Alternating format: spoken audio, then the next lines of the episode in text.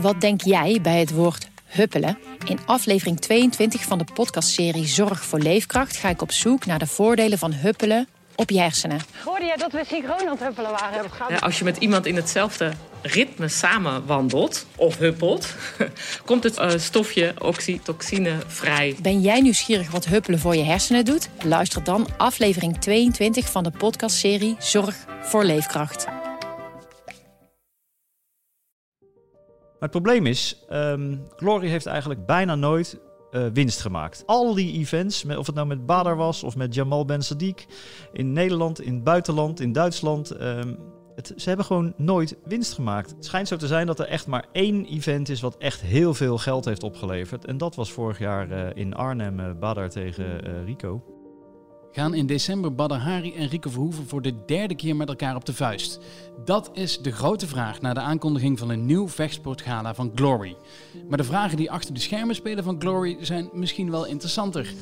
Want waarom is het bedrijf achter de gala's verkocht? En hoe zit het nou met die schuldeisers? Voor onze krant is Victor Schildkamp in deze wereld van de vechtsportgala's gedoken. En in deze aflevering van Achter het Verhaal spreek ik, Kevin Goes, met hem hierover. Victor, uh, welkom. Ja, Glory. We kennen het natuurlijk van uh, de gevechten tussen Badr Hari en Rieke Verhoeven. Maar het is, het is een veel groter, um, ja, uh, grotere organisatie. Hè? Wat is het eigenlijk voor organisatie? Ja, het is, het is, een, het is een vechtsportorganisatie bedoeld om het kickboksen te promoten. Het is bedacht door een Nederlander trouwens. Uh, de, de naam in ieder geval, Glory. Bedacht door Cor Hemmers, die nog steeds die man is die bij die stairdowns altijd tussen de vechters okay. gaat staan als ze bijna gaan knokken. Die man heeft het de naam bedacht. Die, heeft, uh, die had ook de Glory Nederland opgericht en dat is later gefuseerd met een internationale organisatie. Er zijn er internationale geldschieters bijgekomen. Is het heel groot geworden, echt bedoeld om het kickboksen wereldwijd uh, groot te maken. En dat is, uh, dat is denk ik voor een deel gelukt. Niet in Amerika helaas, dat was hun grote doel. En dat is ook een van de redenen dat het ehm, nu financieel niet meer zo goed gaat. Maar ze zijn er wel in geslaagd om het kickboksen in, ja, in heel veel landen uit te laten zenden. Met veel Nederlandse sterren. Hè. We kennen Badr, Rico, nou ja, je kent het verhaal. Ja. En ook nog wel een aantal anderen. Maar, um... Ik weet nog dat, dat ik vroeger wel vaak naar K1 keek. Ja, K1 dat was uh, ook gewoon... Kijk, kickboksen heeft geen nationale bond of een wereldbond of zo, hè, zoals bij heel veel andere sporten. Dus het zijn gewoon organisaties die geld willen verdienen. Daarom is het ook altijd lastig om te roepen wie de wereldkampioenen van de afgelopen 30 jaar zijn geweest. Want ja, het, is maar, het is maar wat een ja. nou ja, het is maar wat een commerciële organisatie roept. Hè. Dit is onze wereldkampioen. Is dat dan de wereldkampioen? Ja. Daar kun je in, het, uh, in dit soort vechtsporten lang over discussiëren. Maar uh, K1 inderdaad, dat is wel een beetje, als je dan toch naar het verleden van, ja inderdaad, kickboksen, hoe zit dat? Uh, dan borrelden er in het verleden wel eens van die grote namen op als Sam Schild, Remy Bonjaski, nou ja, Peter Aarts. Mannen die dan in Japan, waar dat K1-toernooi werd gehouden, was ook gewoon een commerciële organisatie die toernooien organiseerde. En daar wonnen heel vaak die grote Nederlanders. En uh, Badr Hari was daar ook succesvol, een jaar of twaalf geleden. Heeft nooit gewonnen, wel de finale gehaald. Spectaculaire kickboxer was het toen. Daar dankt hij ook een beetje zijn, zijn naam als, als, als spektakelman uh, aan. Um, dat is wel wat veel mensen zich herinneren. Dat er af en toe ook van die verhalen verschenen over Nederlanders die daar zo geweldig succesvol waren. Mhm. Verder dan dat gaat ons kickbox-geheugen eigenlijk niet. K1 ja, is op een gegeven moment gewoon failliet gegaan. En toen is Glory eigenlijk opgekomen daarvoor in de plaats. Beetje, een beetje met dezelfde sporters. Hè? Het zijn een beetje dezelfde gasten van toen uit K1 die naar Glory zijn gegaan. Nou, die grote namen van toen, die kickboxen allemaal niet meer. Die zijn allemaal wel eens een beetje in de 40 en gestopt. Uh, is daar... zat volgens mij ook Ja, die zat daar ook bij, maar die was zo lang zo groot nog niet. Letterlijk en figuurlijk trouwens. Dat was toen nog een veel tengere jongen. En uh, die heeft daar geen naam gemaakt. Rico is uh, eigenlijk de man van Glory. Die is uh, daarna opgekomen als de nieuwe grote man. Glory heeft hem ook echt gepromoot. En dat heeft hij ook aan zijn eigen team te danken. Hij heeft een heel goed PR-team om zich heen. En zij hebben dat kickboksen weer groot gemaakt. Maar de armoe is een beetje dat Rico pas echt echt bekend ging worden. Toen hij gewoon uh, Badahari uitnodigde in een tijd dat Badahari alleen maar in de rechtbank aan het, uh, aan het knokken was om, uh, voor, voor mishandelingszaken en zo. Nou ja, ja over, over die strijd tussen die twee, daar gaan we het dadelijk nog, nog wat langer ja. over hebben. Maar eerst, jij zei al even, in Amerika slaat het niet aan. Daar heb je natuurlijk mixed martial arts, hè? dat is daar heel groot. Wat is het verschil tussen die twee? Bij Mixed Martial Art mag, vol, mag, volgens mij alles. Kijk, ik ben geen vechtsportkenner. Hè. Ik ben vanuit de rechtbank uh, verslaggeverij ooit Badahari gaan volgen. En zo rol je vanzelf. Toen Badahari weer ging kickboksen, ging ik ook vaak kijken. Ehm, maar daar mag zo ongeveer alles en ongetwijfeld ook regels aan. Kickboksen is eh, slaan en schoppen en dan houdt het op. Als iemand op de grond ligt, mag je niet nog eens bovenop springen en met twee handen op zijn hoofd Oh, gaan ja. beuken. Zoals Ja, ik. dat is het Ja, ik verschil, moet zeggen dat MMA kan ik ook echt niet aanzien hoor. Nee, dat is, eh, Ik vind echt vreselijk. Kickboksen met dat schoppen al een beetje bedenkt. Ik ben wel een boksfan, maar kickboksen, ja, dan denk ik al. Nou, wat ik, wat ik wel grappig vind, wat je benoemt, is dat je vanuit de rechtbank dit bent gaan volgen, Ja. want Badr Hari. En dat is natuurlijk ook een beetje wat rondom die vechtsportgalas eh, hangt. Hè. Er is een hele tijd dus ook geweest dat die vechtsportgalas niet door mochten gaan, dat het verboden werd. Ja.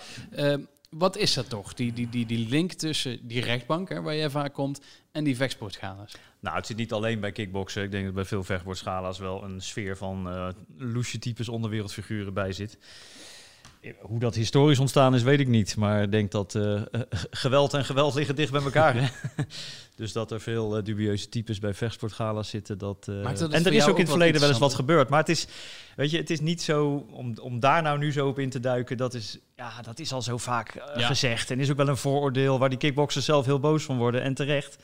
Want er zijn er een aantal bij. Rico is er natuurlijk zeker één van. Die probeert die sport naar een beter level, eh, naar een wat fatsoenlijker level te, op te krikken. Dus om het daar nu helemaal over in te Ja, duiken. nee, dat, eh, is, daar heb je helemaal gelijk in. Dus laten we inderdaad over, die, eh, over dat gevecht, die twee, hè.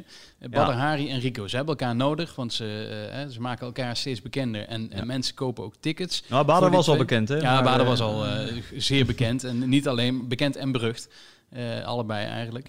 Ehm, zij verkopen de tickets ook voor Glory. Twee keer hebben ze elkaar tegenover elkaar gestaan. En eigenlijk viel het twee keer twee, tegen. Hè? Ja, ben er beide keren bij geweest. De eerste keer in Duitsland, eh Oberhausen, december 2016. En vorig jaar in Arnhem, 2019.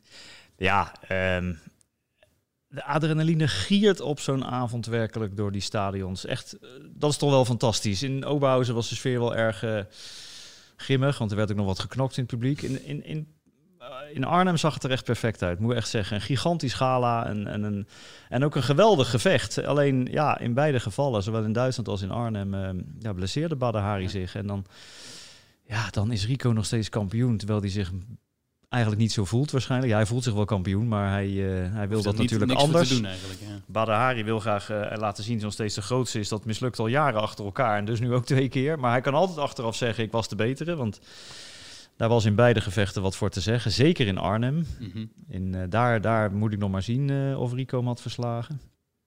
Ja, het, het is twee keer een soft geworden. Ik moet ook wel zeggen, toen we vorige week dan weer in het nieuws kwam... dat ze misschien weer, want het is niet zeker, hè, misschien weer tegenover elkaar gaan staan. Ze staan in ieder geval op hetzelfde toernooi. Ehm, hetzelfde event. Hoe- hoe maar als ze misschien weer, dan, dan de opwinning wel, was wel wat minder groot. Van, laten we nu achteraf maar vooral roepen dat het geweldig was. Hoe en ziet zo'n toernooi eruit? Hè? Je bent twee keer geweest, want we hebben het nu over de main event, hè? over het, het einde van de avond, Bader tegen Ja. Rico. Maar hoe wordt zo'n dag opgebouwd? Nou, in allerlei gewichtsklassen zijn er gewoon gevechten van kampioenen. En vaak om de, om de wereldtitel, voor wat tussen aanhalingstekens. Hè, de door er Glory, heel veel ja, zijn. ja. Maar dat zijn allemaal gewichtsklassen. Dus gewoon één op één eh, een, een uitdager en een kampioen. Featherweight, Eh, eh, het zijn geen, welterweight, ja, maar het zijn geen toernooien. Hè? Het is niet zo met kwartfinale, Nee, nee, finale, finale. Dat was vroeger bij K1. En hebben ze later ook nog wel eens in Zagreb geprobeerd. Daar ben ik ook nog wel eens geweest bij Badr in 2013. Maar dit is gewoon één tegen één. De, Mhm. Gewoon de uitdager tegen de kampioen. En ehm, de climax van de avond is dan meestal heel laat op de avond. Dat in heel veel werelden, of heel veel landen over de wereld tegelijk kan worden uitgezonden. En dat was, eh, er zijn heel veel events trouwens geweest. Hè, maar de twee grootste waren dus met Badr en Rico als finale. En eh, zo ziet zo'n avond eruit. Ja, dat, ik moet zeggen, het zijn opwindende avonden. Tenminste, als je van kickboksen houdt. En die climax is natuurlijk... Ja, dan kun je bijna een plak adrenaline zo uit de lucht snijden als je daar, eh, als je daar zit te kijken. Dit is wat je ziet als je in dat stadion zit, als je naar de tv kijkt. Maar er gebeurt veel meer hè, bij zo'n vechtsportgala en vooral bij zo'n organisatie. Want eh, ja, wat is er nou precies gebeurd met Glory de laatste tijd? Nou, kijk, Glory bestaat een jaar of eh, 8, 9 geloof ik. Ja, iets langer zelfs nog. Het is, sinds het is sinds 2012 echt een grote internationale organisatie. Met een, eh, in ieder geval één enorme geldschieter, een Franse, Franse zakenman, Pierre Andurand. Maar het probleem is, um, Glory heeft eigenlijk nooit bij. Hè, ik heb er veel over rondgebeld de afgelopen tijd. Heeft eigenlijk bijna nooit eh, winst gemaakt. Al die events al die events, met, of het nou met Badr was of met Jamal Ben Sadiq, in Nederland, in het buitenland, in Duitsland. ehm, het, ze hebben gewoon nooit winst gemaakt. Het is dat die geldschieters er steeds maar weer geld in bleven steken. Het schijnt zo te zijn dat er echt maar één event is wat echt heel veel geld heeft opgeleverd. En dat was vorig jaar eh, in Arnhem, eh Badr tegen eh, Rico. En dan heeft het echt over enige tientallen miljoenen die daar verdiend zijn. Groot stadion, helemaal vol. Kaartjes waren gemiddeld 200 euro. Zaten er ook 32.000 mensen. Reken maar uit hoeveel... Uh, in het en Gelderdoom en het. Ja, in het Gelderdoom, ja. sorry. Ja. En dan heb je ook al die ehm, Vitesse-stadion. Hè? En dan heb je ook al die ehm, televisierechten nog, sponsorrechten. Gigantisch veel geld verdiend. En de geldschieter, geldschieter één grote en een paar kleine... die er al jaren heel veel geld in stoken... die hebben gewoon nu gedacht, steken, die hebben gewoon nu gedacht... eh cashje, Ja. nou willen ze wel terug. Ja, daardoor was ehm, Glory eigenlijk min of meer ineens failliet. En eh, een heleboel andere toeleveranciers van catering, van eh, nou ja, weet ik veel. Die krijgen dus nog geld van Glory en die kloppen nu op een lege BV. Ze hebben gewoon een lege BV. Ja, het zit vol van BV'tjes aan elkaar achtergelaten. Daar kloppen zij aan en het geld is, die krijgen gewoon hun geld niet. En Glory heeft een doorstart gemaakt in een andere organisatie. Zijn Kan dat officieel van Singapore naar Londen verhuisd. En, eh, en, en gaan vrolijk verder nu. En hebben eigenlijk weer een nieuw groot event nodig om alle problemen straks Nee, van zich af te slaan. Je, je kan toch niet zomaar de ene BV opheffen en zeggen we- gaan onder dezelfde naam verder Kijk, met een andere BV? Eh, dat zal misschien wel de rechter moeten gaan uitmaken. Wat er natuurlijk gaat gebeuren is dat er een aantal van die schuld... Sommigen krijgen echt nog vele tienduizenden euro's, eh, soms nog meer. Heb ook voorzichtig begrepen dat het Gelredoom nog een paar centen krijgt van de organisatie. Eh, maar daar niet zoveel fus van maakt. Maar dat weet ik niet zeker, zeg ik er gelijk bij. Maar ehm, dat is wat rondgaat. Kijk, die, die schuldeisers, die schrijven gewoon, die, die sturen er gewoon ehm eh, eh, Deurwaarder op af. deurwaarders Ja, op af. ja. Ja. dat was het woord wat ik zocht. Dat werkt dan op een gegeven moment giet. Nou, dan ga je, dan ga je naar de rechter. eh, Of, of je, je, je, je vraagt een faillissement aan, want je wil dan het geld eruit trekken wat je nog, ehm, wat je nog eh, hoopt te krijgen. Wat je nog, waar je nog goed, te- eh, eh, eh, wat je nog te goed hebt. Mhm. Ehm, en uiteindelijk kan je natuurlijk nog naar de rechter gaan. als je gewoon denkt dat het niet, niet deugt. Het is alleen een beetje de vraag. Eh, ga je het zover laten komen of ga je dat hele grote event nog afwachten... wat straks in de, eh, december hopelijk komt... waar hopelijk weer een hoop geld wordt verdiend? Want die kans bestaat Het is natuurlijk. heel bru- brutaal dat als jij eh, aan de ene kant hef je een BV op en je, je richt weer iets nieuws op onder dezelfde naam en je kondigt weer iets groots aan in december, terwijl je eigenlijk failliet bent. Ja, kijk, ehm, hoe dat precies, hoe ze dat precies bedrijfstechnisch hebben geregeld, daar, dat, dat, zit ook voor mij te ingewikkeld in elkaar. Ehm, er wordt zeker onderzoek naar gedaan. Eh, kijk, je moet ook zo zien, die, als die, die willen nog geld hebben. Wat is nou het beste? Eh, bij een failliete tent aankloppen eh, en misschien maar een heel klein deeltje krijgen? Of proberen toch afspraken te maken straks weer een heleboel winst maken in eh, december. Want Bader en Rico zijn er allebei. Of ze tegen elkaar staan is nog maar de vraag. Maar ze zullen er die avond zijn, zo is aangekondigd. En dat levert ook sowieso al een hoop toeschouwers en Mhm. televisiegeld op. En dan toch proberen afspraken te maken om je geld tussen te krijgen, te- terug te krijgen. Dat is een beetje wat speelt. Ehm, ja, aan de andere kant zijn natuurlijk richting eh, december nog veel onzekerheden. Hè. Eh, sowieso eh, wordt dat een leeg stadion. worden daar wel kaartjes verkocht of met, met corona in het achterhoofd? Of gaat dat hele event dan wel door? Ja. Kan dat wel doorgaan? Er is, daar er is we- veel onzeker. Dit is, dit is ook een heel hoor. Maar, maar e- eerst nog een, stukje, Victor. Ehm, het is overgenomen door, door Gusuco Limited. Ik weet niet of, of dat je GSU en... Ja, nee, die naam heb ik gezien. Eh, Ja. het knap dat je, hem zo, dat je er nog een manier hebt gevonden om uit te spreken. Ik zou hem afkorten. Het zijn zes letters, geloof ik. Ja, een Engelse eigenaar. Wat- Wat, kun je vertellen over die eigenaar? Ja, dat volgens mij, maar dat kan ik niet hard maken nog. Maar wat ik er eh, ook op diverse vechtporsaatjes over lees en zelf over gehoord heb, onder andere van eh, enkele schuldeisers, daar ik wel goed contact mee heb, is het gewoon dezelfde organisatie onder een andere naam. Eh, je ziet ook dezelfde namen weer voor een deel terugkomen in de nieuwe organisatie. Eh, ja, dan ben je overgenomen door jezelf en je bent van je schuldeisers af, als ik het samenvat. Eh, of het zo zal lopen is maar zeer de vraag. Ze zijn verhuisd van Singapore naar Londen. Je ziet ook, eh, ja, wat ik zeg, je ziet dezelfde namen weer opduiken voor een deel. De, sporters allemaal, de sporters hebben trouwens wel allemaal hun geld gekregen. Hè? Dus die, ja, die Ja, willen die kunnen goed vechten. die, Die, willen wel verder. tegen- Ja, die moet je niet kwijt. Dat, is, dat, is, dat, Ja, is de, dat zijn de cash cows. Eh, en dat mag eigenlijk niet. Hè. Als je failliet bent, moet je die eigenlijk aan een andere organisatie aanbieden... om Ja. te proberen je schuldeisers eh, nog wat eh, geld te kunnen Want teruggeven. zitten er andere organisaties als kapers op de kust? Nou, Glory is wel verreweg de grootste. Weet je, dat is wel een beetje ehm, eh, treurig natuurlijk. Je kunt niet al dit, de, verreweg de meeste vechts- kickboxers, de beste, in alle gewichtsklassen zitten wel bij Glory. Daarom is het in zekere zin voor de sport ook wel jammer dat dit in elkaar stort. Want, eh, of, of ja, misschien stort het niet in elkaar, maar eh, nu weer zo eh, aan alle kanten rammelt. Want ja, wat dan? Hè? Wat dan als het in elkaar stort? Dan, dan, ja, dan moet alles weer opnieuw beginnen eigenlijk. eh. Ja, en ze gaan natuurlijk nu een enorm risico aan. Je zei het al even, eh, december. eh, we zitten in coronatijd. We weten niet hoeveel mensen er ergens naar binnen kunnen. Daar hebben ze, nog, ze hebben ook nog niks bekendgemaakt Nee. over waar het plaats zou moeten vinden. Nee, er wordt gezegd uh, Gelredoom, maar dan wel met publiek. Want waarom zou je in godsnaam zonder publiek in Gelredoom gaan staan? Dan hoor je alleen twee sporters slaan en hijgen tegen elkaar. Ehm, het zal ongetwijfeld, het wordt ook gezegd Amsterdam, maar dat is dan de arena waarschijnlijk. Want ja, je wil natuurlijk heel veel mensen daar hebben. Ja. Maar zelfs als je dat niet doet en je gaat naar een veel kleinere zaal en er zitten alleen wat trainers die dan nog voor iets voor sfeer kunnen zorgen. Je kunt altijd nog misschien in eh, vele tientallen, meer dan honderd landen de televisierechten verkopen. En ehm, ehm, ook Talpa eh, wil in Nederland graag uitzenden. Die wil iets uitzenden, want kickboksen dat eh, trekt toch wel een vaste schare kijkers. En zeker Bader Rico nog een aantal erbij.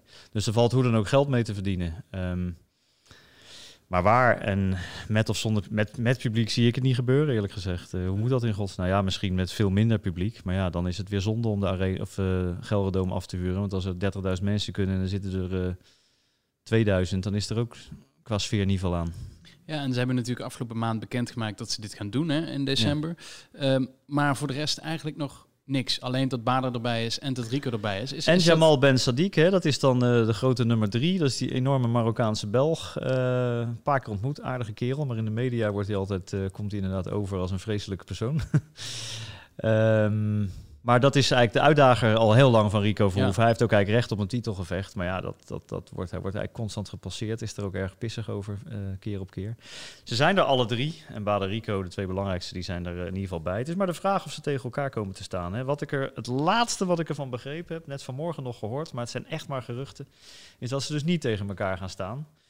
Dat Bader Hari tegen Jamal, Rico tegen iemand anders. En dat ze dan uh, la, een half jaar later weer Rico Bader gaan doen. Um, dat als is ze ook... dan nog bestaan. Dat Hm? is natuurlijk, als ze dan nog bestaan. Want dat is dus het zijdendraadje. Ja, waar, maar waar al zou jij het organiseren, zouden er veel mensen komen, weet je wel. Uh, op zich valt, als ze maar tegen elkaar gaan staan... Hier dan de redactie van het AD. eh. als ze tegen elkaar gaan staan, gaan de camera's omheen staan, valt er wat te verdienen. Maar uh, nee, ik denk dat dat wel goed komt op de een of andere manier. Maar um, uh, kijk, ook als ze niet tegen elkaar staan, ze zijn er allebei die avond. Uh, daar zal waarschijnlijk net zoveel publiek op afkomen als er publiek mag komen. Dan zullen net zoveel televisiezenders in geïnteresseerd zijn. Dan kan je het eigenlijk beter twee keer doen. Eerst allebei tegelijkertijd op een avond. Kun je lekker gaan speculeren wie nou het beste heeft gevochten. Uh, en dan een halfjaartje later weer tegen elkaar. Dat is toch een perfect scenario. Waarom zou je gelijk alles opsoeperen? Ook nog met die corona-onzekerheid. Misschien wel in een leeg stadion. Ik zou me heel goed kunnen voorstellen dat ze niet tegenover elkaar komen te staan. Maar je kunt ze wel allebei zien daar. En... Ja. Even om af te sluiten met het sportieve. Hè. Uh, kan uh, Badr Hari het eigenlijk nog wel? Uh, volgens mij wordt hij in december 36. hij kan het in ieder geval, dat heeft hij in die schaarse gevechten van de afgelopen jaren. Hebben we ook nog tegen Hesdy Gerges gevochten. Um, toen is hij laatst trouwens op doping betrapt. Dus, maar in ieder geval kan hij nog één, anderhalve ronde, dat hebben we twee keer tegen Rico gezien, voor spektakel zorgen. Dan is het gewoon een spectaculaire bokser. Hij heeft Rico twee keer neergeslagen in het mm-hmm. laatste gevecht. Dat is, of je nou van kickboksen houdt of niet, dat is wel spectaculair. Dan, dan zie je gewoon dat het een geweldenaar is. Of hij dat drie of vijf ronden volhoudt, is maar, uh, is maar zeer de vraag. Hij wordt 36. Um, Rico is trouwens ook al 30, maar... Ja, in die, in die leeftijdscategorieën, zo'n zware sport, gaan die paar jaar wel tellen. Ja, kan die het nog? Ja. En Rico Ik zou niet tegenover hem gaan eh, am- ambities in Hollywood. Die, eh, die komt, duikt Ja, ja, die vaker zou- op ja. in allerlei films. Nou heeft ja, die gaat, die gaat, een, die heeft zelf een film wil die gaan maken. Heeft Eh, hij nog wel de motivatie voor? Zeker, ja. Nee, ik geloof absoluut in de motivatie van Rico Verhoeven. Kijk, Rico carrière is pas echt compleet. Dat vindt, als je mezelf vraagt, vindt hij dat onzin, denk ik. Hoewel, het is echt compleet voor je gevoel als hij Badahari echt gewoon keihard verslaat. Ja. Zeker na, na, na Oberhausen, waar het een beetje gelijk opging totdat Badahari uitviel, kan Rico nog zeggen, daar was ik niet de mindere. In Arnhem ja, was hij voor het gevoel wel de mindere. Ehm, hij kan wel zeggen, over vijf rondes heb ik de beste conditie, win ik wel. Maar dat hadden we maar moeten zien. Dus Ja. Rico's carrière is toch pas af voor je gevoel perfect als die Bader een keer echt verslaat. Dus hij zal dat zelf ook willen. En, ehm, maar hij wil ook die filmcarrière. Hij zou trouwens in mei al beginnen met de opnames in Nou ja, Amerika. Maar ja, Corona. hoe Ja. kom je in mei in Amerika? Nee, precies. En dat is natuurlijk ook de sluier die hier een beetje eh, overheen hangt. Ehm, Victor Schildkamp, dankjewel. We gaan het bijhouden wat er, wat er nog gaat gebeuren. Of we horen dat er in december, of ze nou tegenover elkaar staan, eh, wie er tegen wie moet. Het eh, is allemaal afwachten. En hoe het natuurlijk verder gaat met het verhaal van eh, Glory zelf. Ja. Bedankt voor het luisteren weer naar deze aflevering van Achter het Verhaal. Alle onze afleveringen zijn te vinden op Spotify en Apple Podcast. Dat is gratis. Abonneer je daar. Dus tot de volgende keer.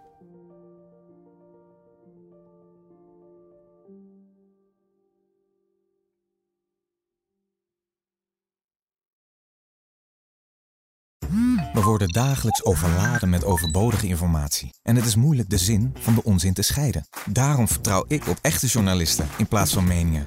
Een krantenmens heeft het gemakkelijk. Word ook een krantenmens en lees je favoriete krant nu tot al zes weken gratis. Ga snel naar krant.nl. Bezorging stopt automatisch en op deze actie zijn actievoorwaarden van toepassing.